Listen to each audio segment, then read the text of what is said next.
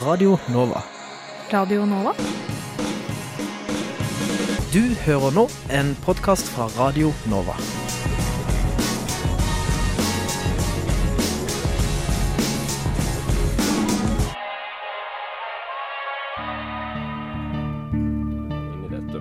Hovedspørsmålet det hadde vært siden eh, Noam Chomsky etablerte den greina av lingvistikken som, som jeg befinner meg i. Vi håper jo på bredest mulig oppslutning om SV, og jeg tror at det eneste som kan få norsk løsner båndene mellom staten og kirka, og forhåpentligvis fører til tettere bånd mellom kirka og folk. Så hadde de gjort som andre fjøringsbevegelser i verden, hadde de helt legitimt kanskje tatt i våpen. Og, og så direkte skildring av menneskeskjebner tror jeg ikke vi har sett i noen annen nyhetsdekning av noen annen terroraksjon. Det er såpass store forskjeller mellom den kalde krigen, hvor det var to supermakter som sto mot hverandre, eh, og den situasjonen vi har i dag.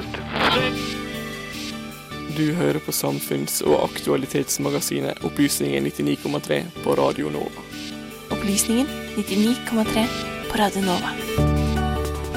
Den iranske presidenten klarte å få atomavtalen med stormaktene i havn, og nå har han og de reformvennlige partiene i landet gjort et sterkt valg. Hva betyr det for veien videre for Iran? Christian Borch er ute med en ny bok og ramsalt kritikk av nyliberalismen. Vi tar en prat med journalistnestoren som endelig kan si det han mener. Selv om det er lettere å dele spillelister enn noen gang, viser ny forskning at folk holder spillelistene sine for seg sjøl. Er spillelista nok en arena for prestasjon og selvrepresentasjon? Visste du at eh, det er store kjønnsforskjeller i norsk skole, og at det er gutter som går ut som tapere? Vi spør Thomas Nordahl, professor i pedagogikk, hvorfor det er sånn. En feriestasjon har en innvirkning på den enkelte nordmanns selvfølelse og identitet. De sliter, og de har ikke råd til å betale eh, markedspriser for, for gassen. Akkurat nå hører du på Radio Novas samfunns- og aktualitetsmagasin, Opplysningen 99,3. God formiddag og velkommen til Opplysninga 99,3. Vi har en fullspekka sending, og vi kan friste med kjendiser, på sine felt i hvert fall. Musikk, utenrikspolitikk og forskning. Og ikke minst, vi er helt fri for 1. aprilspøker. Jeg er Hanne Kielland Olsen, og først ut i dag er nestor i norsk journalistikk, Christian Borch. Radio Nova. Etter en lang karriere som utenriksreporter og nyhetsanker, tar Christian Borch pensjonisttilværelsen, hvis man kan kalle det, ikke med ro. Nylig ga han ut boka 'Banalitetens tyranni', den tredje i en serie om det moderne Europa. Et hardtslående oppgjør med nyliberalismen, har den blitt kalt. I boka så ser han på de lange linjene der spørsmål om penger, lønnsomhet og effektivitet vurderes mot og før de menneskelige verdiene. Nå er han i studio for å fortelle om boka si. Velkommen, Christian Borch. Takk skal du ha. Aller først, eh, hvorfor gir du ut denne boka? Eh, Vel, jeg er et skrivende menneske, og det gjør at det er vanskelig å stoppe kjeften på meg, holdt jeg på å si, i skriftlig form. Ja, Dette er min trettende bok alt i alt, og som du sa, den tredje i denne serien. Eh, Det henger sammen med mange forskjellige forhold, men for det første fordi jeg, jeg liker å skrive. Det er en måte å tenke på. Det er en måte å uttrykke seg på. For det andre fordi at jeg har jo levet av dette her et langt liv. Eh, For det tredje fordi at jeg har jo sett sammenhenger i et langt liv som utenriksreporter, og sett tendenser utvikle seg som jeg ikke alltid har kunnet fortelle om i sin sammenheng. Dels fordi at eh, journalistikken i radio og fjernsyn er relativt, hva skal man kalle det for noe, sånn litt kuttet i begge ender. Altså den er i hvert fall sånn ganske fragmentarisk. Og da har du et veldig sånn der ulmende behov for å sette tingene sammen i en større sammenheng, og kunne forklare hvordan tingene henger i hop med hverandre. Og det er i grunnen drivkraften bak dette. Boka må kunne kalles en eh, sterk kritikk av nyliberalismen. Eh, Hva var nå det igjen? Nei, det, det kan du si. Altså, Med nyliberalismen så sikter jeg til den politikken som fikk dominere Europa fra 1980 ganske nøyaktig. Da hadde Maggie Thatcher sittet ved makten i et halvt år i Storbritannia. Du fikk Ronald Reagans Reaganomics i USA, drevet av den samme visjonen. Og du fikk en konservativ bølge over det meste av Europa som en slags reaksjon på at det gamle sosialdemokratiske etterkrigsprosjektet på en måte var avsluttet i 70-årene. Eh, den hadde en visjon om at slipper du kapitalen og initiativet fri, så vil du få et mer konstruktivt, produktivt samfunn. Og det tror jeg nok er riktig på mange måter. Det er en del av den konservative kapitalismen, men de skiller seg fra den konservative kapitalismen fordi de trapper ned uten å gi noen erstatning for det sosiale samfunn, altså for det som tar vare på menneskene, for det som gir taperne et uh, spillerom. Kort sagt det Adam Smith definerte som et sikkerhetsnett under borgerne. Og da blir det altså bare uh, penger, penger og penger som blir faktisk normen for hva som er vellykket og hva som ikke er vellykket. Du mener også at eh, politikerne ved å innføre en ganske fri økonomi har fraskrevet seg politisk styring. Kan du fortelle Ja. litt mer om det? Nei, altså Poenget er jo ganske enkelt det at hvis dette skal fungere slik som Maggie Thatcher og de andre liberalistene tenkte på det tidspunkt, så var det jo nødvendig at politikken holdt fingrene fra fatet i noen grad og lot kreftene få spille fritt. Og deres store visjon var jo at eh, hvis du slutter å statsdirigere utbyggingen av næringslivet for å holde liv i distrikter rundt omkring, hvis du slutter å holde puter under armene på folk, så vil initiativet komme i kraft av seg selv. Og det har et naturlig gen, slik at du vil skape naturlige samfunn på den måten. Men problemet var at ved å trekke seg tilbake, så åpner de jo et rom for at finansmarkedene i stor grad kan definere sine egne arbeidsbetingelser. Og de er altså, for å si det uhyre forsiktig, overhodet ikke besjelet av noen visjoner om at de har et samfunnsansvar. De er rene egosentrikere, hvor profittfaktoren er helt toneangivende. Og dette kommer da i økende grad til å dominere politikken og styringen av fellesmidlene i samfunnet i lang tid fremover. Hvordan kunne en sånn endimensjonal eh, nyliberalisme få et sånt eh, fotfeste og hegemoni? Jeg tror mye av årsaken var den at, at folk ble grepet av en slags begeistring over at det skjedde ting plutselig. Altså det som før hadde virket, begynt å virke litt trått og traurig, det var nå plutselig begynt å bli gledesfylt fordi folk fikk bøtter opp spann av penger mellom hendene. Altså folk kunne låne, ikke sant. Og en reklameindustri som var uten enhver form for sosial samvittighet og ansvarsfølelse, biffet jo opp disse her materialistiske idealene. Så du fikk liksom en sånn bølge av visjoner om at vitsen med livet var å demonstrere din egen materielle rikdom, og egosentrisiteten kom til å spille en veldig stor rolle. Dermed førte det også til at du fikk en utvikling av narsissismen i brede lag av folket og i store generasjoner fremover. Dette er dokumentert gjennom sosialpsykologiske undersøkelser. Og det gjorde jo da at fokus på de problemene som lå i bunnen av samfunnet, ble fjernet, eller i hvert fall svekket, inntil det sprakk. Men, men tror du ikke at drømmen om å bli rik, eh, alt, og at man gjør omtrent hva som helst for å, for å få velstand til seg sjøl, alltid har vært til stede, og at eh, kan man da si at man er mindre human nå enn for 50 år siden? Ja, det kan man helt klart si. Altså, du kan si at den drivkraften etter å bli rik, den ligger der som en eh, del av menneskets gener, på en måte. Det er en del av overlevelsesaspektet, på en måte. At du rent intuitivt og rent genetisk hele tiden vil arbeide for å sikre deg, for å skape en trygg plattform rundt deg og ditt liv osv. Og, så og jo mer velstående du blir, jo bedre blir den plattformen. Så det ligger der nok hele tiden. Men problemet her er jo det at vi lever i samfunn. Vi lever i samfunn som er utviklet med henblikk på å eh, samordne kreftene som skal skape trygghet for borgerne. Og det er også drivkraften i den konservative kapitalismen. Altså dette med at samfunnet må legge et sett av normer og regler, velge dette gjennom diskusjon, gjennom en åpen parlamentarisk prosess, og så si at dette er samfunnets rammebetingelser, og innenfor dette kan man altså la det private initiativ utfolde seg. Og den første forutsetningen er altså neglisjert i den æraen du har hatt fra 1980 og frem til bruddet kom i 2010. Mm. Du mener at denne nyliberalismen også kulminerte i den økonomiske krisa i Europa i 2008-2009? Jeg mener jo helt klart at den skapte den økonomiske krisen. fordi at eh, finansmarkedene, som jo fikk nærmest fullstendig kontroll over dette Du så jo hvordan bankene utviklet seg, og hvordan bankenes belønning av sine egne eh, slapp fullstendig bakkekontakten eh, opp gjennom denne perioden. De definerte jo kredittsystemene. Altså de, de definerte jo gjelden som en kreativ økonomisk faktor. Altså Har du dårlige resultater i mars, så kan du låne masse penger, og så kan du sette i gang og gjøre det mye bedre i april. Men på et eller annet punkt så stoppet det. Og det skjedde først og fremst liksom med Lehman Brothers sammenbrudd på Wall Street i 2008 som det store symbolet. Og så kom jo den ene gjeldstyngede europeiske stat etter den andre og bare kastet inn kortene og sa at vi klarer ikke mer. Hva mener du har vært reaksjonen fra velgere til denne politikken? Jeg vil vel si det slik at jeg tror vi har sett egentlig en veldig svekkelse av tilliten til det parlamentariske demokrati. Og jeg tror det kan forklares med en rekke forskjellige ting. I den aller siste fasen av denne utviklingen så var det fordi politikerne jo åpenbart hadde sviktet sin oppgave i land etter land etter land. Velgerne i Hellas har ingen tillit til politikerne. Det hadde de ikke før heller, men det er i hvert fall mye mindre nå. Og det samme gjaldt de andre landene som så at politikken hadde sviktet, fordi politikken hadde gjort seg på en måte til et instrument for kapitalkreftene, for å sette det litt på spissen.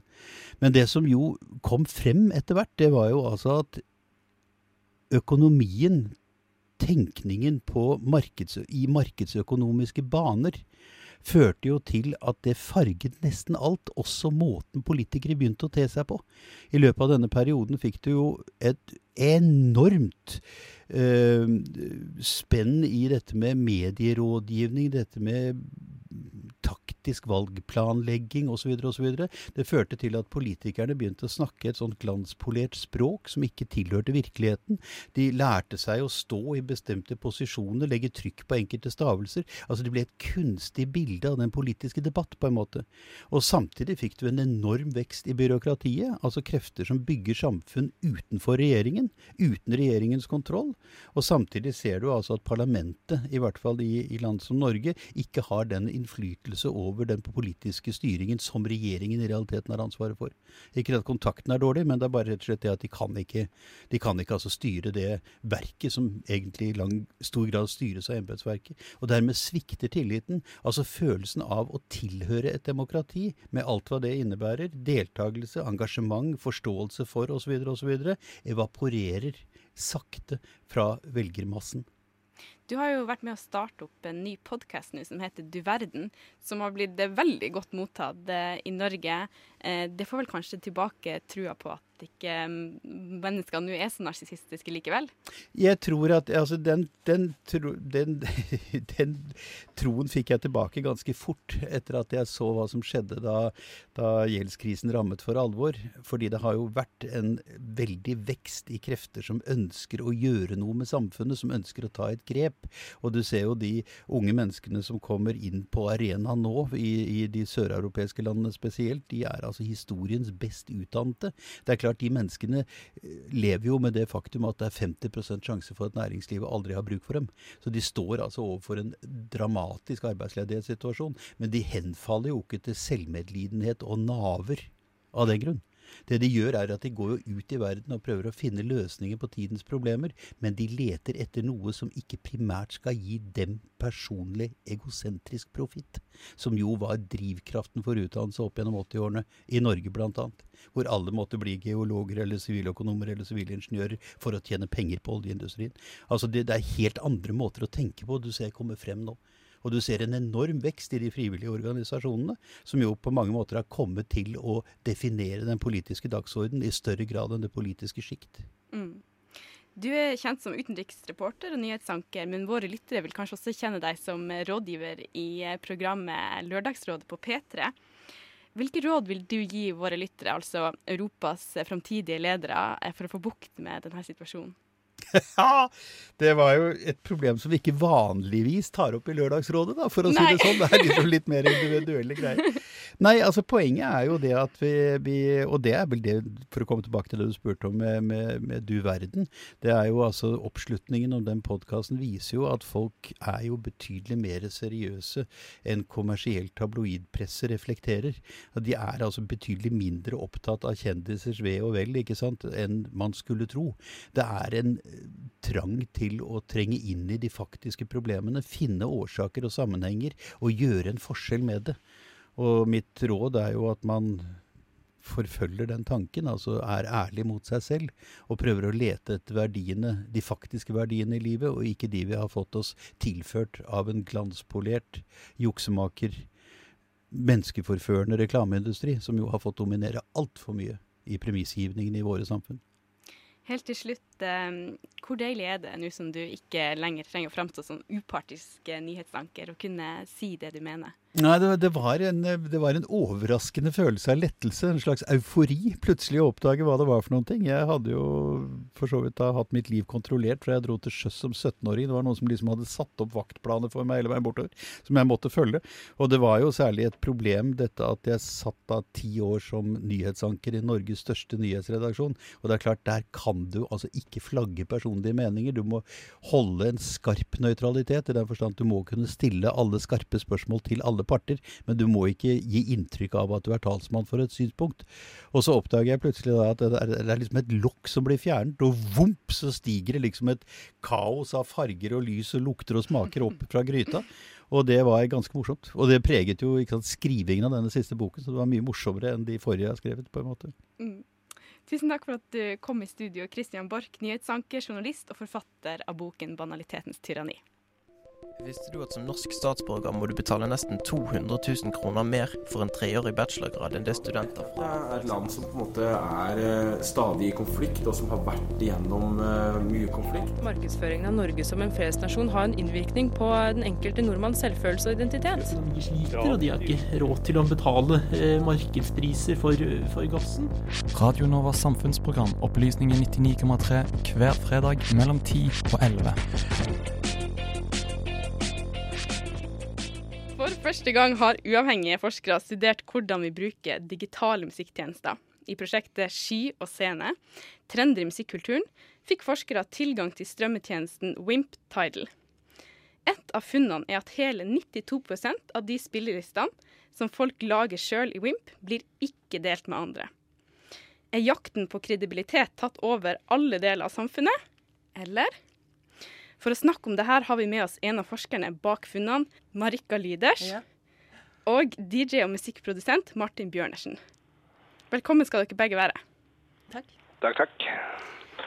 Aller først, eh, Marika Lyders. Eh, hva visste dere om hvordan folk bruker strømmetjenestene før dere satte i gang forskningsprosjektet? Nei, Da visste vi jo ikke stort. Eh, dette forskningsprosjektet startet vel opp en god del år siden nå. og Vi begynte å, begynte å planlegge det for enda lenger siden. Eh, og forventet vel nettopp da bl.a. at eh, deling av musikk eh, gjennom strømmetjenester skulle være bl.a. noe av det vi fant. Fordi at det, teknisk er så enkelt. Mm. Mm, men det viser seg jo ikke helt å være tilfellet. Ja. Hvordan har dere gått fram? Datamaterialet i Sky og Scene er svært stort og kommer fra både strømmedata fra det som da tidligere het WIMP, fra fokusgruppeintervju med til sammen 124 eh, brukere av Spotify og WIMP, og I tillegg så har prosjektets doktorgradsstipendiat Anja Nylund Hagen gjennomført egne kvalitative intervjuer med musikkstrømmebrukere. Um, så vi får altså de store mønstrene fra strømmedataene, men det sier jo lite om motivasjon og brukeropplevelser og hvorfor vi eventuelt ikke deler. Uh, så det kvalitative materialet fra intervjuene bidrar da til en bedre forståelse for hvorfor vi kanskje i mindre grad enn vi først forventet, ser at vi deler musikk gjennom, gjennom da Spotify og Vimp. Dere, ja, dere har altså funnet ut at 92% av spillelistene folk lager, deler dem ikke med andre. Hvorfor det? Ja, eh, hvorfor det? Da må vi på en måte se på det kvalitative materialet fra fokusgruppene eh, og, og, de kvalitative intervjuene til eh, Anja. Eh, og der kommer det frem tre delingsmønstre. Man kan dele musikk annet enn bare ved å dele uh, spillelister. Kan også være at man deler enkeltsanger til enkeltpersoner, f.eks. Eh, men vi ser da i det kvalitative materialet at vi har tre delingsmønstre. De som deler alt med alle, og som aldri bruker private sessions, f.eks. De er nærmest musikkmisjonærer. De har ingen filtre og motiveres av bl.a. å få følgere og få feedback på det de deler. De opplever musikk som sosialt og noe som bør deles. Og det å dele guilty pleasures er på en måte en del av pakka og noe av det som er gøy. Og så har du mange som deler selektivt, eh, som gjør enkelte spillelister tilgjengelig for andre, og som også deler direkte med utvalgte venner, f.eks. Og denne selektive delingen handler mye om en slags aktiv form for selvpresentasjon.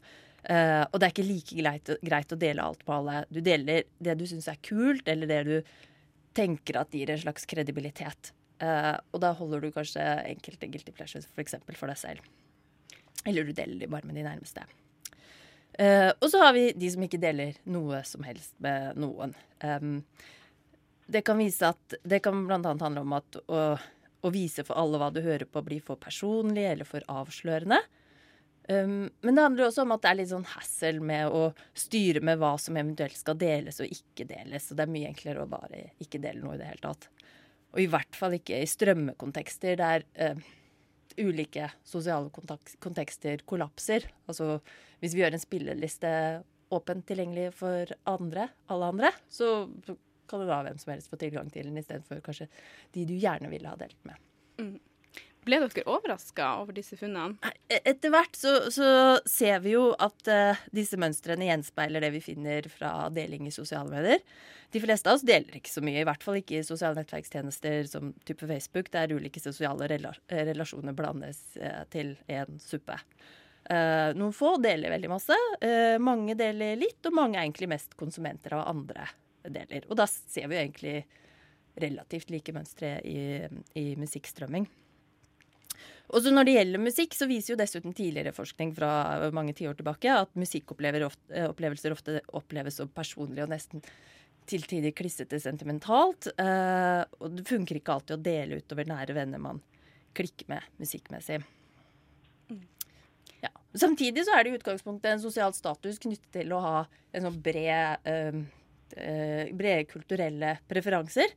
Både musikk øh, både smale musikksjangre, topplister og guilty pleasures.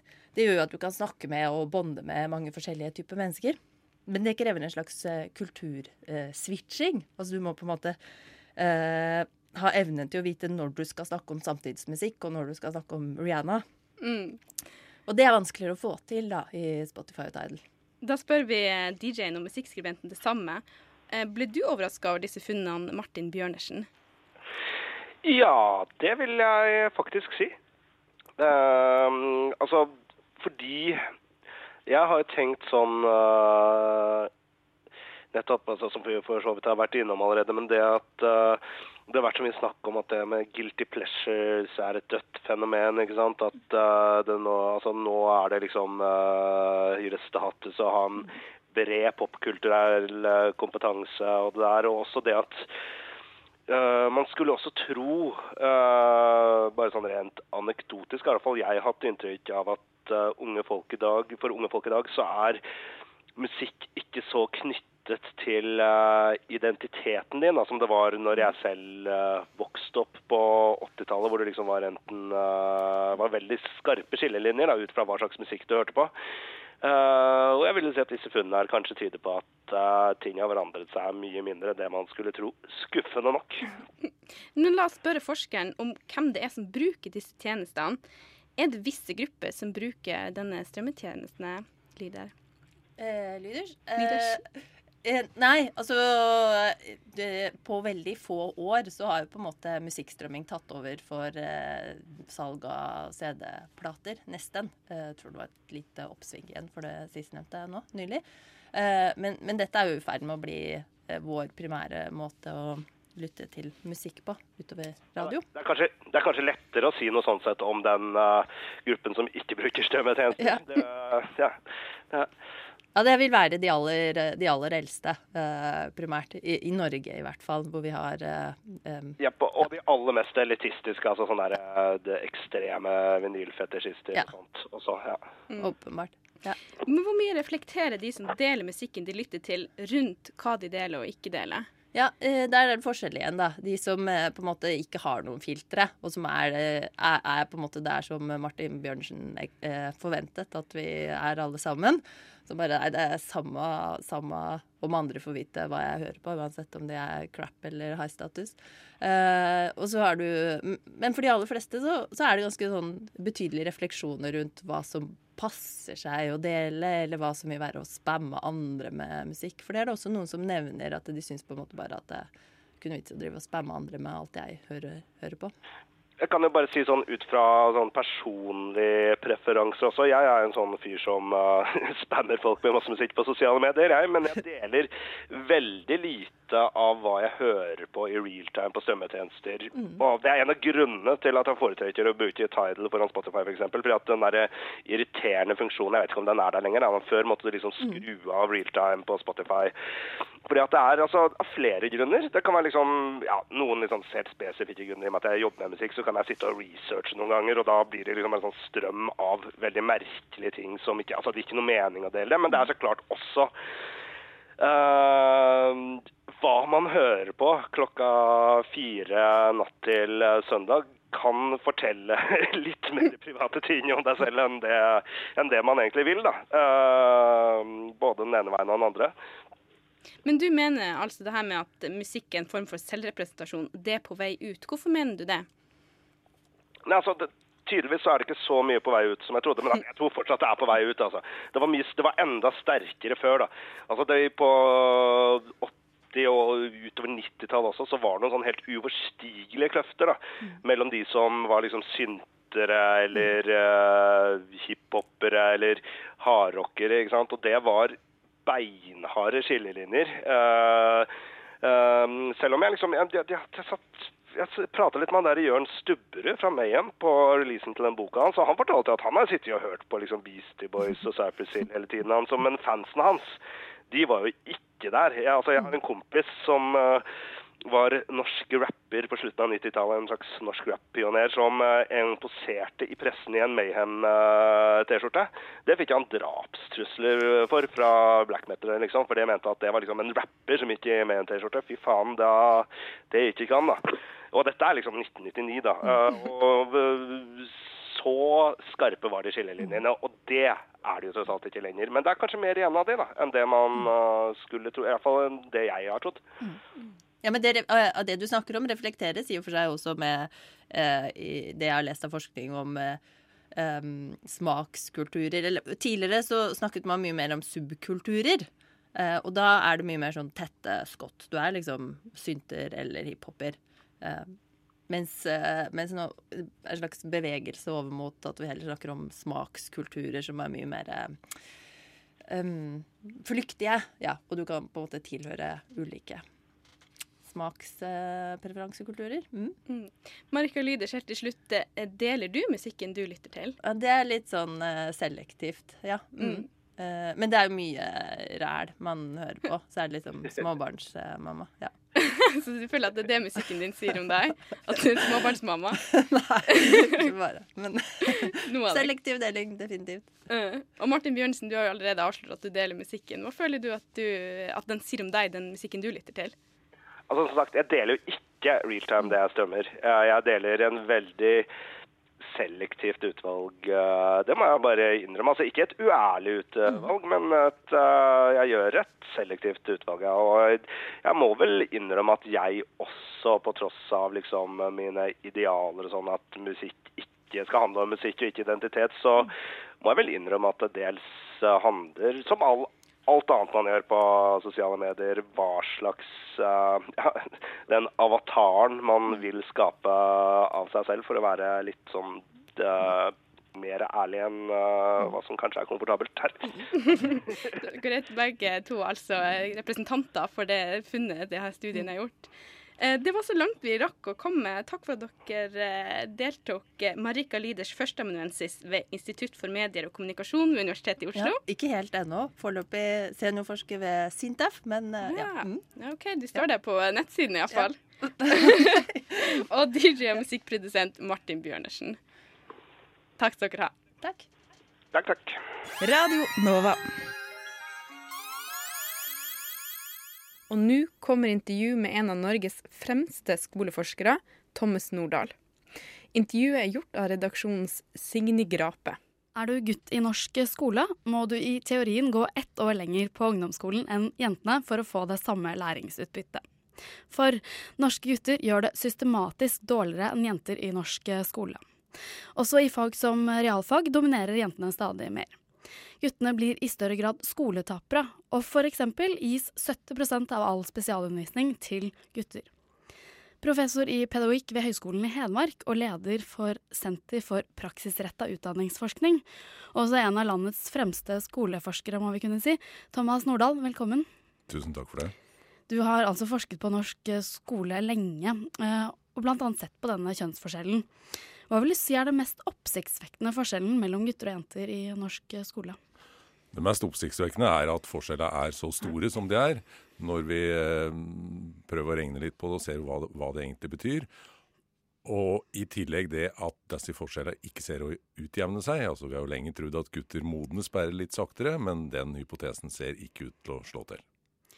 Men altså bare for å ta det først, hva er det den forskjellen baserer seg på? Er det standpunktkarakterer, eller er det andre? Ja, Det er litt ulikt eh, hva vi ser på. Hvis vi ser på standpunktkarakterer, da, det vi ofte kaller grunnskolepoeng, som er gjennomsnittlig standpunktkarakter når du er ferdig i 10. klasse, så er forskjellene markante i alle fag. Eh, Størst er det i faget norsk, der det utgjør i overkant av et skoleår. Men det er kjønnsforskjeller i jenters favør i alle fag. Og det er en veldig viktig indikator, det med gjennomsnittskarakterer, for det er det du søker videregående skole på.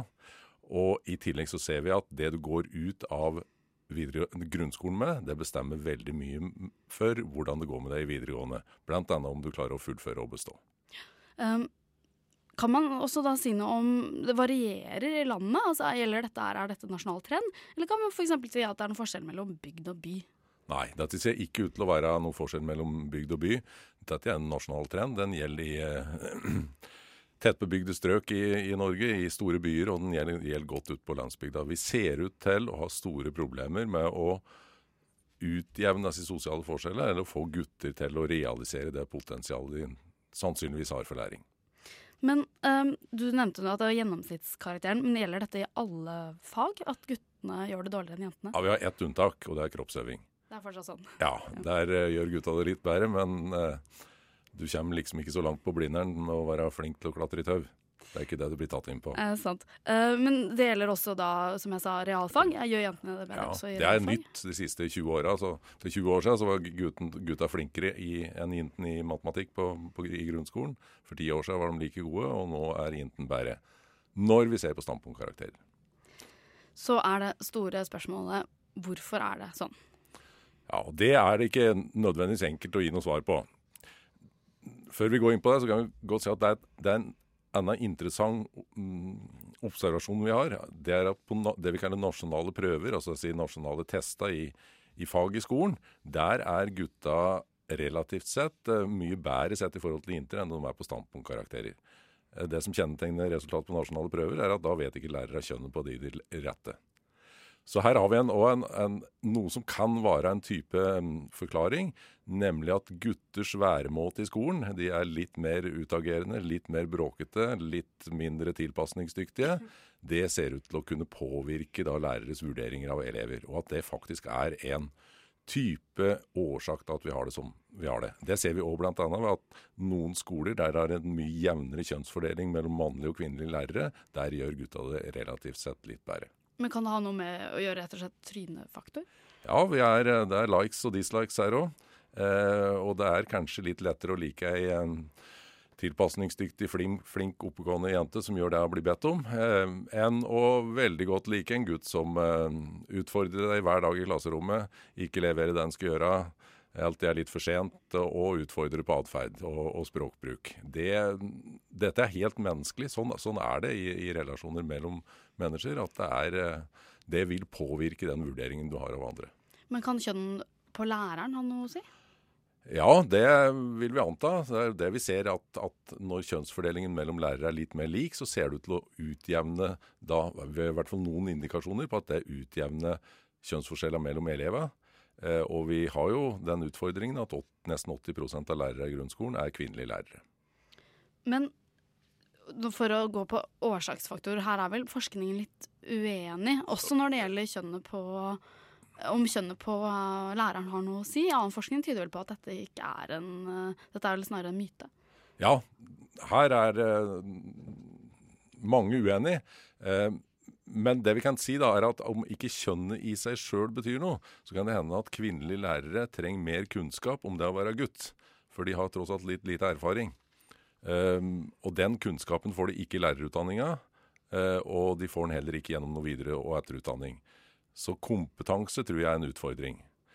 Dette ser vi ved at, at hvis, vi, hvis vi, på, vi har sett på skoler der gutter og jenter er nesten like gode.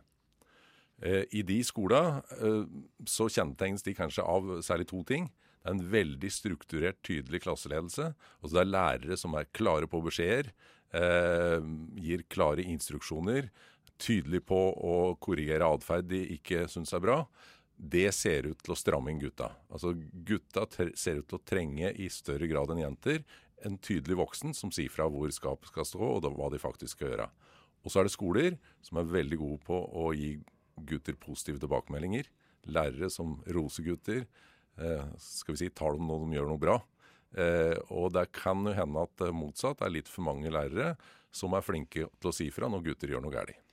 Men dette med tydelig klasseledelse, det, alle, det, er vel alle enige om at er uh, viktig. Og måte, du peker jo også på at det generelle læringsmiljøet er viktig. Men mm. bør man ikke bare gjøre mer av det norsk skole allerede er god på, da, eller bare fortsette å gjøre det? Jo, det, det, vil jeg si. Men samtidig så har vi hatt en, en tendens i norsk skole der vi kan kalle at den, den individualiserte undervisninga har blitt mer utbredt. Altså det har, det har, blitt mer opp til hver enkelt elev hva du skal gjøre. Altså denne ukesplansprinsippet, ansvar for egen læring osv. Det har ikke vært noe, noe lykke for gutter. For mange gutter har det vært en mulighet, en mulighet til å la være å gjøre noen ting. Men du peker også på uh, foreldrenes rolle.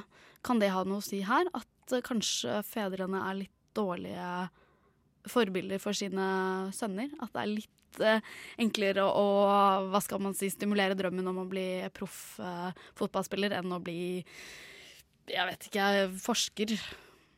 Ja, dette, jo, dette vet vi jo da ganske lite om. Men hvis vi ser på det vi vet, da, så ser vi at tre fjerdedeler av samarbeidet mellom hjem og skole, det er det ei kvinne eller ei mor som står for mens fedre står for kun 25% av samarbeidet. Og Hvis vi da tenker oss at eh, 80% av lærere i tillegg er kvinner, så blir dette et ganske kvinnedominert eh, samarbeid, eh, og mannsstemmen blir litt lite til stede. Eh, så at menn burde aktivisere seg, og fedre skal aktivisere seg mer i både jenters og gutters skolegang, det tror jeg er helt sikkert. Men nå har vi vært innom en rekke mulige årsaksfaktorer på hvorfor det, det, er kjønnsforskjeller i norsk skole. Men det er veldig mange skoleforskere som nøler med å måte gi klare råd til hva man bør gjøre. Men du derimot, du er litt sånn klarere. Du mener at har, du har en oppskrift på hva som kan jevne ut disse forskjellene. Jeg tør i hvert fall å prøve å gi noe råd, og jeg mener det er veldig viktig, fordi at disse kjønnsforskjellene her er nå så markante og vart så lenge at vi, vi, må gjøre noe med det. Vi ser jo tydelige utslag nå i høyere utdanning, der eh, nesten to av tre studenter er, er, jenter. Og på de mest attraktive studiene så er det jo en veldig overvekt av jenter. Altså dette har konsekvenser. Og da må vi på tross av at vi kanskje har litt lite kunnskapsgrunnlag, kunne tørre å si noe om hva vi trenger å gjøre. Og Grunnen til at vi har et lavt kunnskapsgrunnlag, det er jo at samfunnet ikke har bevilget omtrent noe midler til å forske på hvorfor gutter gjør det dårlig i skolen. Men hvorfor tror du det er sånn? Altså Hadde det vært opp til deg, da, så hadde dette temaet fått en mye større rolle i skoleforskningen? Helt innlysende. Og jeg har ofte tenkt den hypotesa, da. Hvis kjønnsforskjellet hadde vært motsatt, at jenter hadde gjort det så mye dårligere i skolen enn gutter, da er jeg ikke engstelig for at jeg ikke hadde fått penger til forskning. Vi ser at på det ene området der gutt, jenter har hunget litt etter, nemlig i, i, matematikk, realfag, som de ikke lenger gjør, så har vi fortsatt en realfagssatsing på jenter. Men jeg har ikke sett noen satsinger direkte på gutter på noen områder i skolen over de 25 åra jeg jobber som forsker. Mm, hvorfor tror du det er sånn? Fortsatt handler likestilling om kvinner, og i mindre grad om menn og gutter. Men burde man da kanskje hatt en slags sånn type Istedenfor realfagssatsing, hva slags type satsing kunne man hatt for gutta? På gutter, skole og utdanning og læring. Altså en generell, bred tilnærming til hva kan gjøres for, gutter, for å utvikle en skole der gutter i større grad lærer, tilpasser seg og utvikle de egenskapene som de har, som tross alt er ganske gode. Eh, de klarer seg rimelig godt, men de har store problemer i skolen. Så ingen easy fix der, altså. Helt uh, til slutt, hva vil på en måte råde landets uh, skoleeiere og skoleledelse til å gjøre nettopp for å jevne ut disse forskjellene? Det er å satse hardt på kvalitet i skolen. For vi vet at de gode pedagogiske prinsippene de virker godt for begge kjønn. Og så hatt en, en ekstra fokus på å følge opp gutter. Eh, og, og, begynne å prøve ut noen tilnærminger, måle resultater og få noe mer kunnskap om hvordan vi løfter gutta læringsmessig i skolen. Mer eh, kunnskap. Tusen takk til deg, Thomas Nordahl. Du er altså professor i pedagogikk ved Høgskolen i Hedmark. Dette intervjuet var gjort av Signe Grape. Det er jo klart for de fleste at noe, noe er galt med verdensøkonomien. Alvorlig galt. First thing I, I went into prison, a young man, and I got out of it a very old man. Du hører på Opplysningen 99,3 på Radio Nova. Under valget i Iran gjorde det reformvennlige partiet det bra. Særlig i Teheran, hvor de vant alle de 30 plassene til nasjonalforsamlinga. En stor seier for landets president, Rouhain. Etter at han sikra en atomavtale med verdenssamfunnet, og dermed også opphevelsen av en rekke sanksjoner mot landet. Nå er mange iranere utålmodige etter å merke resultatene av denne avtalen, men også utenfor Iran anses valget som viktig. Med oss for å fortelle om, mer om det her, har vi med oss postdoktor i religionsvitenskap og irankjenner Marianne Bøe på telefon fra Universitetet i Bergen. Velkommen. Takk skal du ha. Um, aller først, kan du forklare oss hvordan maktfordelinga er i Iran? Ja, eh, maktfordelingen i Iran er ganske spesiell. Eh, en har eh, en øverste, le øverste leder, eh, Walayat Faki, eh, som egentlig har, fører kontroll med, med, alt som skjer i landet. Eh, I tillegg så har en en folkevalgt president. En har et valgt parlament. Eh, en har òg et såkalt vokterråd, som på samme måte som øverste leder er utpekt eh, og ikke valgt. Eh, og så har en da en såkalt ekspertforsamling, eh, som òg eh, blir en valgt forsamling. Og Iranerne har altså valgt ny nasjonalforsamling og medlemmer til ekspertforsamlingen. Hvilke parter er det som har stått mot hverandre? Um, iransk eh, politikk så eh, er det ikke sånn eh, Altså i nasjonalforsamlingen så er det ikke tradisjonelle eh, politiske partier, men en har eh, snarere kandidater som er inndelt i blokker. altså En skiller gjerne mellom, mellom reformister, prinsipalister, som er konservative, moderate og uavhengige kandidater. Eh, og Dette fører til en del usikkerhet i forhold til hva slags allianser som inngås mellom disse kandidatene. Eh, men eh, en skiller da gjerne mellom reformister på den ene siden og konservative på den andre siden, for, for å si det enkelt. Mm. Hva er forskjellen mellom de reformvennlige tilhengerne til den nåværende presidenten og de konservative tilhengerne til Ayatollah Khamenei? Um, Altså, Skillelinjen er som sagt ikke så enkel så at det er reformister på den ene siden og konservative på den andre siden. Og Det ser vi særlig nå i dagens politiske bilde, at eh, disse to hovedblokkene eh, går en del inn i hverandre. da. Eh, så det som en ser, eh, eh, et bilde som tegner seg nå, det er gjerne de som, som støtter presidenten Rouhanis eh, reformpolitikk og at han ønsker økt kontakt med, med omverdenen eh, i form av signering av atom, atomavtalen bl.a. Eh, og, og de som er imot eh, denne åpningen, da, som, som ser på det å tilnærme seg det internasjonale samfunn som ledd i eh, økt vestliggjøring i Iran, og, og som er redd for å Eh, for at dette da skal eh, innebære slutten på Den islamske republikk. Hvordan har valgoppslutninga vært? Eh, valgoppslutningen har vært eh, veldig bra. Eh, eh, det er ja, nærmere 50 millioner mennesker som, som, har, som har, stemt ved, ved valget i februar. Eh, så, så valgoppslutningen eh, eh, har vært veldig bra, og det har vært noe som øverste leder, Khamenei, har vært ute og, og, og reklamert for overfor omverdenen, for å si at se, se på, på, vårt land, vi har så høy valgdeltakelse. Mm. I 21 valgkretser så ble det ingen klar vinner, og derfor skal det bli omvalg i mai eller april. Eh, hvilken side som vil tjene på det? Um, ja, eh, det er en del usikkerhet knytta til resultatet fra valget. Eh, selv om vi vet at eh, reformistene fikk et knapt flertall i, eh, i parlamentet. Og vi vet at resultatet fra hovedstaden er at eh, reformisten vant da samtlige 30 seter. Så er resultatene for resten av landet ganske uklart. Eh, og det, det, er da mulig at det faktisk aldri blir annonsert hva som var resultatet for resten av landet. Eh, men eh, det mest troverdige er at de mest troverdige tallene tilsier at kandidater som tilhører den reformist-moderate fløyen, fikk omtrent 80-90 seter. Og at konservative prinsipalister fikk ja, litt i underkant av det. Så det er da de resterende setene eh, eh, som, som, skal eh, avgjøres i en ny valg, valgrunde. Så det er ikke helt avgjort ennå? Nei, det, det, er faktisk ikke, ikke det. Og det, det er en del usikkerhet knytta til, til, tallene. Men, men, likevel så er det tydelig at, uh, at, det er reformistene og de moderate som har gjort et best valg, og da særlig i Teheran.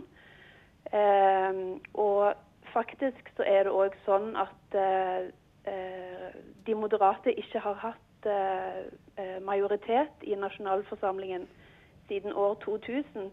Så dette er faktisk ganske viktig for for den fløyen av iransk politikk. Men kan man nå si hvilken innenrikspolitisk betydning resultatet vil kunne få for landet fremover?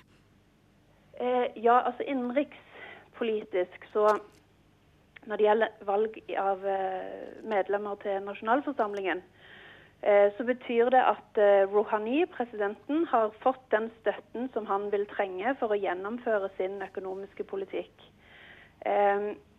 Og det er jo hovedsakelig lover og budsjetter, altså innenrikspolitiske saker, som avgjøres i parlamentet. Eh, og Rouhanis viktigste eh, sak det er å bedre økonomien og forholdet til det internasjonale samfunn. Eh, samtidig er det grenser for hva Rouhani kan få til. Eh, presidentens eh, eh, rolle er begrensa i Iran. Og han vil være avhengig av å få støtte bl.a. Fra, fra den øverste leder for å få politisk gjennomslag. Han har uttalt seg positivt om kvinners rettigheter. Tror du at uh, kvinners rettigheter vil kunne styrkes nå fremover? Um, jeg tror ikke at vi kommer til å få se de store reformene som følge av, uh, av disse to valgene som har blitt av, avholdt nå. Men, men det uh, altså Det er ganske tydelig at Rouhani har satsa politisk på å få gjennomslag for økonomiske reformer og for denne atomavtalen og åpne forholdet til det internasjonale samfunn. Eh, men den store oppslutningen om dette valget og det at eh, reformvennlige og moderate kandidater fikk så mange stemmer, eh, det vitner om at den iranske befolkningen ønsker endringer. Og Det som kanskje ikke er så kjent her i Norge, det er at det er òg en veldig sterk kvinnebevegelse i Iran som krever lovendringer og likestilling. Så eh, om det ikke skjer eh, pga. Eh, Rouhanis politikk eh, som følge av dette valget, så, så, er det, så, er det, mye på gang, og det er en diskusjon om, om disse spørsmålene i Iran. Eh, utenfor Irans grenser, hva, hvilken betydning har valget der? Um, utenfor Iran så uh, vil det òg uh, ha betydning. Um, perioden før Rouhani, altså under tidligere president Ahmedinejad, var preget av isolasjon og tilbakegang i forhold til kontakt med om omverdenen. Uh, så på den måten så markerer valget en politisk vending i Iran. det det er ikke lenger snakk om at Iran vil være et veldig isolert land, men at det vil eh, få økt eh, kontakt med omverdenen. Eh, og dette eh, vil jo gjøre at eh, flere eh, vil, vil, se på Iran som et land å investere i og, og handle med. Så, så, det er mye som tyder på at det vil være en åpning for for Iran mot, mot eh, omverdenen her. Til slutt, eh, hva syns du blir det mest spennende å følge i Iran fremover? Um, jeg syns jo at Iran er et veldig spennende land. Og Eh, når vi ser på regionen for øvrig i dag, som er preget av så mye uro, så står jo Iran for stabilitet. Og nå når den òg ligger an til å få et åpnere forhold til omverdenen, så vil landets posisjon i regionen bli styrka. Eh, og Iran har jo strategiske interesser i bl.a. Syria, Irak og Afghanistan. Eh, og jeg tror at med bedre relasjoner til omverdenen, så vil Iran òg få økt internasjonal politisk innflytelse. Eh, og så er det òg interessant å se at det er stadig flere nordmenn som får øynene opp for Iran. Jeg hører om stadig flere som planlegger ferier f.eks. til Iran, og det var jo helt utenkelig bare for noen år siden. Mm. Eh, og det er òg flere studenter som tar kontakt med meg for å, eh, fordi de ønsker å studere persisk språk i landet, f.eks. Eh, og det er jo som en reaksjon på at Egypt og Syria ikke lenger er, er like tilgjengelig for, for norske studenter. Så, eh, så jeg syns det er spennende at landet nå fremstår som åpnere enn tidlig, tidligere. Og at det blir mer attraktivt for, eh, ja, for folk utenfra å reise dit. Det er i hvert fall spennende å høre om. Tusen takk eh, til deg, postdoktor i religionsvitenskap og Iran-kjenner Marianne Bøe. Bare hyggelig.